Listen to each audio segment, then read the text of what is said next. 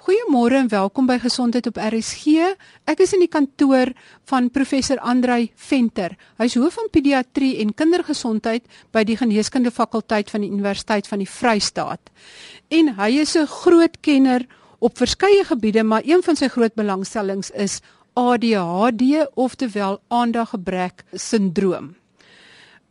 Professor, kan jy 'n beskrywing gee of 'n omskrywing van hierdie probleem?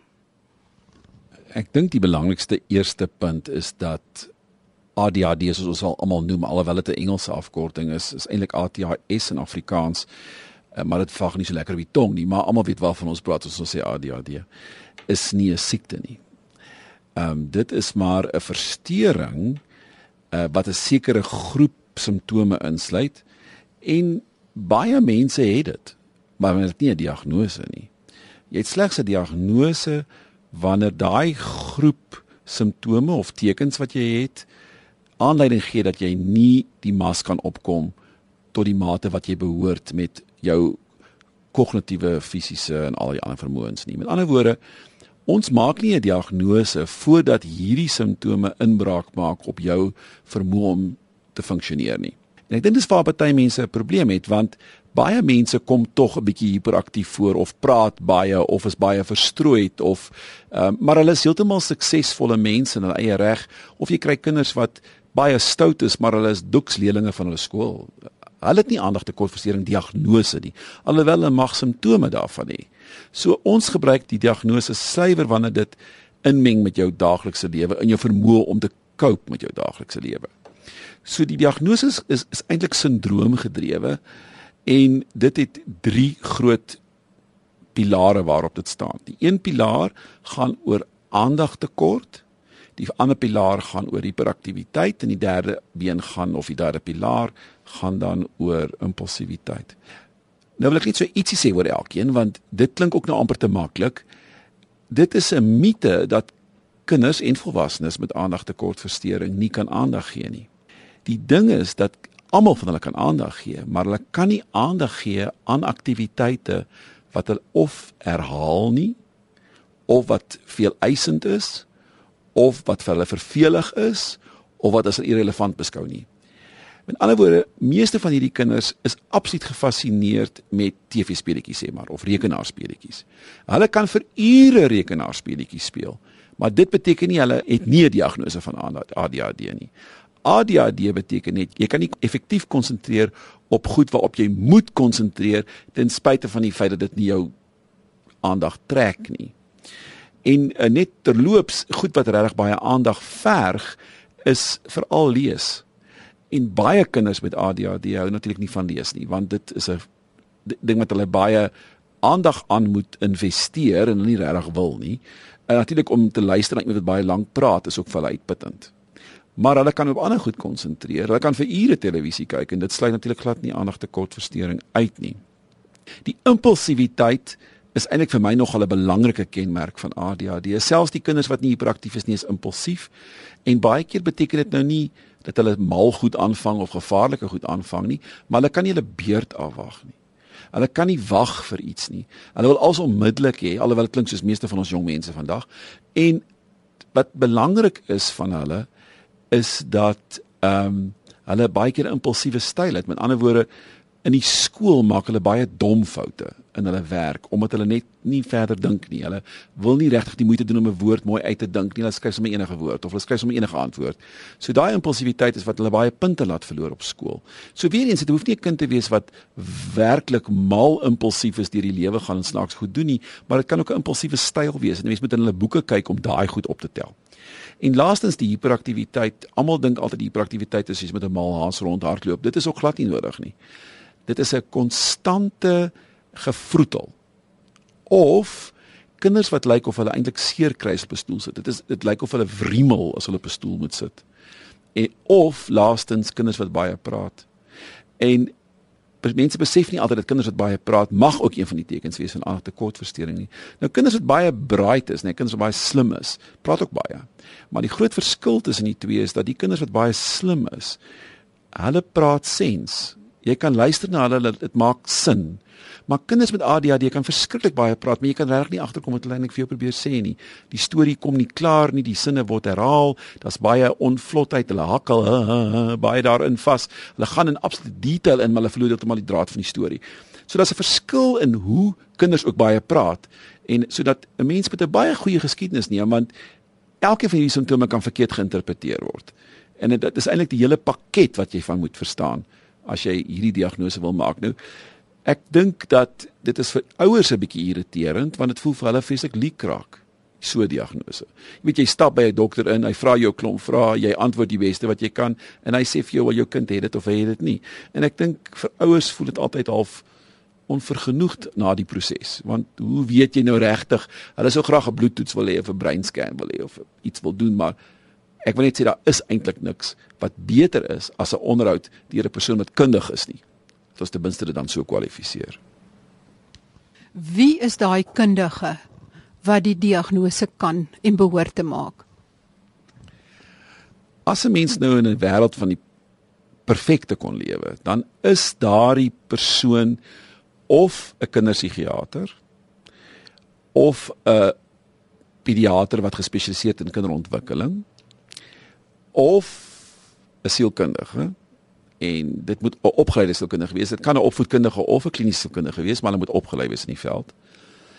Of 'n kinderneuroloog met opleiding. En as dit nou nie beskikbaar is nie, dan 'n pediater met 'n belangstelling of 'n psigiater met 'n belangstelling. Maar in ons land het ons net eenvoudig nie die mannekrag om met al hierdie kinders weet te evalueer nie. Daar daar is net te veel kinders verwys word. Ons dink ons prevalensie in Suid-Afrika is omtrent 8%. Dit beteken 8 in elke 100 kinders het ADHD. Ons het nie naaste my genoeg dokters nie om hierdie massa te hanteer nie. So in ons land gebruik ons nog baie algemene praktisyns wat meestal hooplike belangstelling het wat daar 'n bietjie geskool word wat diagnoses maak en medikasies mee begin. En dit is nie altyd ideaal nie, maar dit is baie beter as niks. En ons gebruik ook ons paramediese personeel, spraakterapeute, arbeidsterapeute om hierdie kinders te identifiseer alhoewel hulle nie diagnoses mag maak nie, kan hulle hulle verwys vir verdere evaluasie. Maar ek dink net die onderliggende punt is as jou kind nie goed doen op hierdie behandeling nie of jy weet jy's nie happy met die behandeling nie, daar's goed jou pla oor die behandeling, moet jy maar aanhou tot jy by een van hierdie experts afspraak kry. Maar dit is nie altyd so maklik nie. Ek meen daar's lang waglyste. Ehm um, en gewoonlik sien die mense wat spesialiste is in die gebied komplekse gevalle van kinders met baie ander simptomatologie nie het gewone ADHD nie. Professor, jy het nou nou gepraat van die impulsiwiteit, die hiperaktiwiteit, maar wat van die kind wat dalk die dromer is, wat ook net nie aandag kan gee nie? As ons kyk na watter soort kinders kan soos ADHD lyk, maar nie is nie, is daar nie werklik baie ehm um, groepe nie, maar hulle kan jou geweldig uitvang.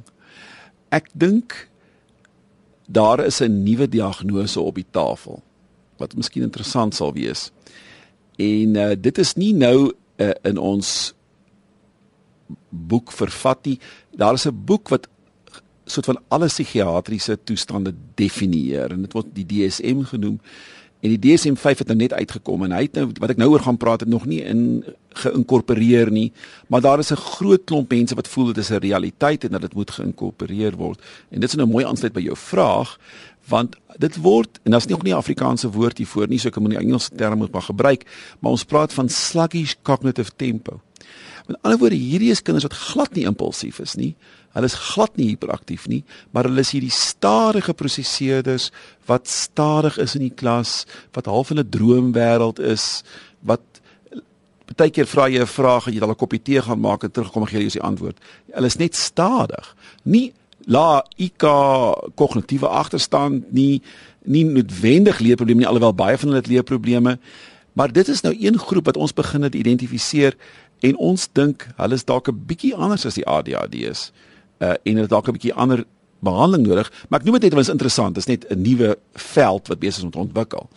Maar die groot twee wat verwar word met ADHD is die kind met erge leergestremthede. Dis nie 'n kind met 'n weer eens lae kognisie nie, maar 'n kind wat baie sukkel met taal sal in 'n klas lyk of hy nie kan aandag gee nie, want die taal is net oorweldigend. En hulle hulle sny eintlik net uit. Jy weet, dis iets wat meeste mans ook maar net doen. As jy te veel met hulle praat, dan sny hulle ook maar net uit. Dis daai selfe beginsel. Hierdie kinders lyk dan of hulle aandag tekortversteuring het, maar eintlik het hulle overload. Hulle is net oorlaai met verbale insette van onderwysers en en en so aan. En dit kan baie keer lyk soos ADHD, maar dit is nie ADHD nie en en hulle doen ook glad nie goed op medikasie noodwendig nie, want dit gaan ons nie 'n rol speel nie. Die ander groep wat ek dink wat 'n groot imitator is van ADHD is angs. En ons sien baie kinders in angs. Uh, Suid-Afrika het eintlik uh, ek weet nie of wat data besit nie, maar as jy meer so in die, in die veld werk, begin jy die indruk kry dat ons geweldig baie kinders het met angs in Suid-Afrika. Deels oor ons onstabiele samelewing, eh, deels oor die geweld in ons samelewing en ek dink dit word ook oorgedra deur baie ouers wat deur baie stresvolle tye in ons land gaan wat dit ook oordra aan hulle kinders en baie kinders wat eintlik ook in skole geplaas word waar hulle regtig nie moet wees nie. So angs is 'n belangrike een en hy lyk ook net soos 'n hiperaktiewe impulsiewe aandagtekortversteuring. En uh, natuurlik kan jy die almal van hierdie goed saam kry. Jy kan ADHD met angs kry. Jy kan natuurlik ADHD met leerprobleme kry wat eintlik nog meer kompliserend is. Maar dit is die twee grootes wat ons moet vooruitkyk. En dit is hoekom jy eintlik met die dokter gaan gesels. Nie om die ADHD diagnose te maak nie, maar om die ander uit te skakel. En ek dink mense besef nie altyd dat deur hierdie vrae en antwoorde is ons besig om stadig ander diagnoses of in te reken of uit te skakel. Net laastens daar is ook die hele outisme groep wat ook aandagtekortversteuring mag lyk en baie van hulle het ook aandagtekortversteuring. So ons moet net besef dat hier's ook van hierdie goed wat so saam voorkom en dat baie keer is daar ook wat ons noem komorbiditeit. Nou met ander woorde, autistiese kinders kan ook aandagtekortversteuring hê en andersom. So dis die groot nabootsers van hierdie toestand. Professor, as mens dan 'n diagnose wil maak, sê maar mens is nou by 'n kinderpsigiater, is die DSM-5, is dit soos 'n aftiklysie van vrae wat hy deurgaan of is dit meer 'n globale indruk wat hy kry? Dis 'n moeilike vraag om te antwoord want ek dink verskillende dokters doen dit verskillend. Maar die regte manier om die DSM-5 kriteria te gebruik en daar is 18 kriteria waarvan jy 12 moet hê reg vir 'n diagnose is eintlik om in 'n gesprek te gaan met die ouers. So jy is nie eintlik veronderstel om direkte vrae te vra nie. Soos jy weet spring jou kind rond asof 'n masjien omdryf. Is nie regtig 'n vraag wat jy vra nie. Mense moet eintlik scenario's vra. So as jy natuurlik by my kom, gaan ek jou vra wat gebeur alles wanneer die kind moet bed toe gaan? Wat gebeur as jy die kind opstaan in die oggend? Wat gebeur as om die etenstafel? Wat gebeur by huiswerk? So 'n mens moet eintlik 'n indruk kry. So dit is baie meer as net 'n checklist, 'n ticklist. En daar's goeie publikasies wat nou wys dat hierdie soort van ticklist attitude is eintlik swak medisyne. So 'n mens moet 'n geheelbeeld kry. Jy moet hom goed in konteks ook sien. Ek meen 'n kind wat weier om te gaan slaap tot 10uur, maar sy ouers kom eers 9uur in die aand by die huis, kan jy mos nou verstaan hoekom wil hy nie 8uur bed toe gaan nie. So 'n mens moet dan baie meer weet as net weet voldoen hy aan elkeen van die kriteria. Maar as jy regtig 'n novice is in die veld, as jy 'n nuweling is, help dit baie keer om met die vraelyste te werk, want dit gee jou dan rigting. Dit gee jou dan iets om vanaf te werk. Die ander punt is dat in die nuwe DSM-5 het hulle elkeen van hierdie 18 kriteria ook omskryf met 'n klomp subbeskrywings. So dis nie meer net 'n sin nie. So as iemand regtig nie meer lekker weet nie, is daar baie ander vrae wat hulle kan vra om te kyk of hulle aan daai kriteria voldoen. Nou vir die meeste van ons wat lank in die veld werk, ek kan regtig jou binne 10 minute sê of daai kind werklik ADHD het of nie, want ek kan onmiddellik hoor hoe die ouers antwoord. Want al sê hulle baie keer ja vir goed wat jy vra, kan jy sien dit is nie 'n betekenisvolle ja nie as ek dit so kan sê. Daar daar's maniere wat ouers antwoord. Jy kan as ek vir 'n ouer sê, weet verloor jou kind sy goed en hy sê, "Jus, weet jy dokter, hy het nou al 5 pare skoene hierdie jaar verloor. Ek gaan die kind vermoor." Dan weet jy dis 'n issue. Maar as 'n ma vir jou sê, "Ja, weet jy, hy het al 'n kosblik een of twee keer verloor." Dit is nie 'n issue nie. So, want alle kinders kan dit doen. So dis daai graadverskil wat nogal belangrik is en dit kan 'n mens net so met tyd optel. Dit is nie 'n ding wat jy net sommer gaan voor 'n stoel sit en dink jy gaan dit nou optel nie. Dit is 'n ding wat kom met met 'n redelike mate van ervaring. Maar ek dink daar's ander goed wat ook saam met aandagtekortversteuring gaan. En dis ook goed wat ek vra en dit het baie mee te doen met gemoedsregulering, uitsteltegnieke, sosialisering, stokperdjies. En en dit is eintlik wat vir my die prentjie al volledig maak. So ja, ons gaan deur die DSM kriteria in my kop en ek ek tik hulle eintlik nie eens dis daar eintlik in my kop af nie, maar ek kan gou voel ons ons gaan oor die meerderheid van hierdie vrae beweeg. maar ek wil ook oor die ander goed weet wat belangrik is. En dan derdens moet ons altyd kollateraal hê en ek dink die kollateraal vir my gaan altyd oor die skoolboeke. Ek wil die skoolboeke en die skooltoetse as ek kan sien want dan kan ek regtig sien hoe 'n kind funksioneer in die klaskamer. Of as 'n mens vraelyste wil gebruik, is heeltemal aanvaarbaar om vraelyste as kollateraal te gebruik. Aan die ander woorde onderwysers, ek sê altyd vra vir die sondagskoolonderwyseresse gaan nie jok nie en jy weet terapeute, sielkundiges, wat ook wie ook al almal deel is van die span maak same diagnose. Hoe meer jy die span saamwerk, hoe beter is jou diagnose. Hoe meer jy onafhanklik werk, hoe meer kan jy 'n fout maak. Maar nou bygesê dat ons het nie almal die luukse van spanne nie. Daar is net plekke in die land waar daar miskien een dokter en een terapeute bedorp is en dis jou span. Weereens sê ek dis beter as niks. Jy het nou nou vertel van dat mens kyk na die stokperdjies en hoe die boeke lyk. Maar Wat van die stokperdjies en hoe lyk die boeke dat jy daaruit kan aflei dat die kind moontlik aan ADHD ly? Ek dink ons moet by die sosialisering is die maklikste ene. Hierdie kinders, veral die hiperaktiewe tipes wat baie ekstrovert is gewoonlik en baie verbaal is gewoonlik ontsettend baasspelerig. En een van die groot probleme is en ek noem hulle onsuksesvolle ekstroverte. Hulle maak nogal maklik maatjies, maar hulle hou nie maatjies nie.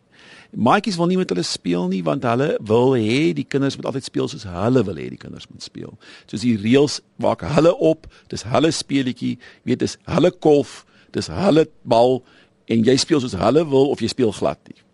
Hulle is ook geneig om jou terug te kry. As hulle voel jy het iets aan hulle gedoen wat hulle nie van nou nie gaan hulle jou terugkry. En jy weet hulle sal sommer eens hulle impulsiwiteit 'n kind tromp oploop en hom van sy voete afstamp omdat hy gister vir hulle iets gesê het op 'n rugbyveld. So dit hulle is hulle is hulle het baie keer sosialiseringsprobleme. Klaar baie keer hulle alleen is, niemand wil met hulle speel nie. Terwyl hulle baie keer baie, baie, baie populêr kan wees en baie maatjies kan hê, maar hulle voel altyd eensaam omdat hulle nie almal wil doen wat hulle wil hê hulle moet doen nie. En uh, baie keer sit hulle in die, op 'n paviljoen in Salk want niemand wil met hulle speel nie, maar eintlik is dit omdat hulle nie met ander mense wil speel nie. So sosialisering is 'n groot probleem. Hulle speel baie keer met kinders jonger as hulle want hulle kan hulle dan baasspelers gewees met hulle en hulle is baie lief baie keer vir ouer mense omdat ouer mense hulle half tegemoet kom of hulle kan gewoonlik baie goeie gesprekke voer. So ouer mense het baie keer nog hulle rapport met hulle maar hulle ewig nie kan hulle nie hanteer nie. En dis nogal tipies van die sosialisering. Stokperdjies Jy kry twee soorte kinders. Daar's die wat sport mal is in ADHD, wat net sport wil speel en niks anders te doen nie, en dan kry jy die wat sport aversie het wat geen sport wil speel nie. Die ekstreme aan albei kante is 'n probleem. Maar wat ADHD nogal spesiaal maak is hy begin alles maar maak niks klaar nie. So hy begin judo maar maak dit nie klaar nie en dan wil hy stoei doen en maak dit nie klaar nie. Dan wil hy tennis doen en maak dit nie klaar nie. Hy gaan net 3 keer nou vir atletiek dan wil hy dit nie meer doen nie. Dis nog 'n kenmerkende patroon in ADHD. So hulle hulle volhard nie. Hulle hulle as dit nie onmiddellik reg kan kom nie, dan wil dit nie doen nie. Dis maar baie dieselfde ding met die impulsiwiteit eintlik, maar dis net hulle wat onmiddellik doen wat werk nie. Hulle belangstellings is almal tegnologies amper. Hulle is mal oor selfone, mal oor TV-speletjies en veral rekenaars en rekenaarspeletjies. Hulle is baie rekenaarvaardig en hulle kan vir ure sit en hulle self so amuseer met hierdie laaggraadse tipe van stimulasie want hulle hoef nie hard te dink nie. As jy die TV-storieetjie te moeilik maak, dan wil hulle dit ook nie speel nie want dit is nie vir hulle lekker nie. Hulle kyk baie graag na televisiefilms, maar hulle kry ook nie die hele beeld nie. Hulle hulle kan vir nie vir vertel waaroor die storie gegaan het nie. Asof jy sê daar was 'n hond in en daar was 'n man met 'n Chevy en daar's 'n ou met 'n rooi trui wat weggaan vir polisie, maar hulle het geen idee wat die delige storie is nie. Want hulle kyk na al sulke segmente. So dis nogal baie daarvan. Baie van hierdie kinders is ook lief vir stysels. As mense praat oor hulle dieete, hulle styselvrate, hulle hou van pizza, pasta, brood, pap en aardappels. Dis hulle gunsteling kosse en hulle hou nie van enigiets wat te veel moet kou ook nie. Ehm um, ek ek stem besig met verskillike veralgemening, net daar's uitsonderings vir al hierdie goeters, maar dis 'n soort van goed wat jy hoor en en as die patroon die hele tyd weet as dit naderhand lyk soos 'n eend in 'n stupie water en hy kwakste eend. Jy kan sommer agterkom dat dit is 'n eend hierdie. So ek dink 'n mens moet jou nie net vas staar in die DSM-5 nie, dis 'n hele pakket. En laasens wil ek net sê selfbeeld die kinders almal hulle haar selfbeeld en hulle doen goed om te kompenseer. En jy moet ook mooi luister wat die ouers vir jou vertel want jy kan baie keer agterkom hierdie kind kompenseer vir sy lae selfbeeld deur die klas Hansworst te wees of deur die klas rebel te wees of wat ook al. Weet hy wil die klas witbroodjie wees want hy is besig om te kompenseer vir sy vir sy gebrek aan selfbeeld. En daai gebrek aan selfbeeld is net soveel 'n simptoom van ADHD as wat hiperaktiwiteit, aandagtekort en impulsiwiteit is. Dit is 'n chemiese tekort en dit lei tot 'n lae selfbeeld. En as ons dus met met ander woorde nie ADHD behandel nie, daai lae selfbeeld is eintlik die ding wat die later die probleme veroorsaak. Dis wat die huweliksprobleme veroorsaak, die impulsiwiteit natuurlik help ook nie. Dit is die goed dat die alkoholverslawing, rook, Hulle is almal strawwe rokers as volwassenes as ons hulle nie intervensie het nie. Dwelmmiddels gebruik en selfs kriminele rekords kan kry. Is daai daai element van die ADHD wat ek dink baie mense half ignoreer. Maar dit is 'n verskriklike belangrike komponent dat mens moet seker maak dat die kind se self ook ontwikkel. Sjoe. Dan kom ons by die behandeling. Hoe behandel mens 'n kind wat dan gediagnoseer is met ADHD? Weet almal verwys altyd na die kontroversies van ADHD. Maar eintlik in die mediese veld is dit glad nie 'n kontroversiële storie nie. Ons het die wetenskap, ons weet waar die probleme lê. Ons het nog nie al die antwoorde nie, maar ek kan ek nou sê vir seker enige siekte in wat ons ooit behandel. Ek weet ons het seker nie al die antwoorde in depressie nie, dis sekerlik nie in skizofrenie nie en al hierdie verskillende goeters nie. Maar maar ons ons weet baie. Ons weet presies hoe die medikasies werk. Ons weet hoekom die neeweffekte voorkom. Ons weet waar in die brein hierdie goed voorkom. Daar is verskriklik baie inligting. Waarskynlik meer inligting oor ADHD as enige ander breinverwante toestand. En tog hou mense aan sê dis kontroversieel. Dit is geen kontroversieel nie, maar ek sal sê hoekom dit kontroversieel is. Ek dink daar's 'n paar goed. Die een ding het ek reeds genoem. Dis kontroversieel want ouers voel daar is nie 'n biologiese toets om te maak, die diagnose te maak nie. So hulle voel eintlik hulle is aan die kort einde van die stok want hulle moet net maar glo wat die mense sê want daar is nie 'n toets toets nie. Daar's baie mense wat vandag vir jou sê hulle het toetse wat hulle kan doen. Daai toetse is net bydraend, nie een is patognomonies nie. Met ander woorde, nie een is absoluut nie. Jy moet nog steeds daai toetse doen plus die konteks van die onderhoud. Jy kan nie net 'n toets doen en sê jou kind het dit of hy het dit nie. Dit is om dit werk nie so nie. Die tweede kontroversie is dat daar's mense wat net hoegenaamd medikasie misverstaan.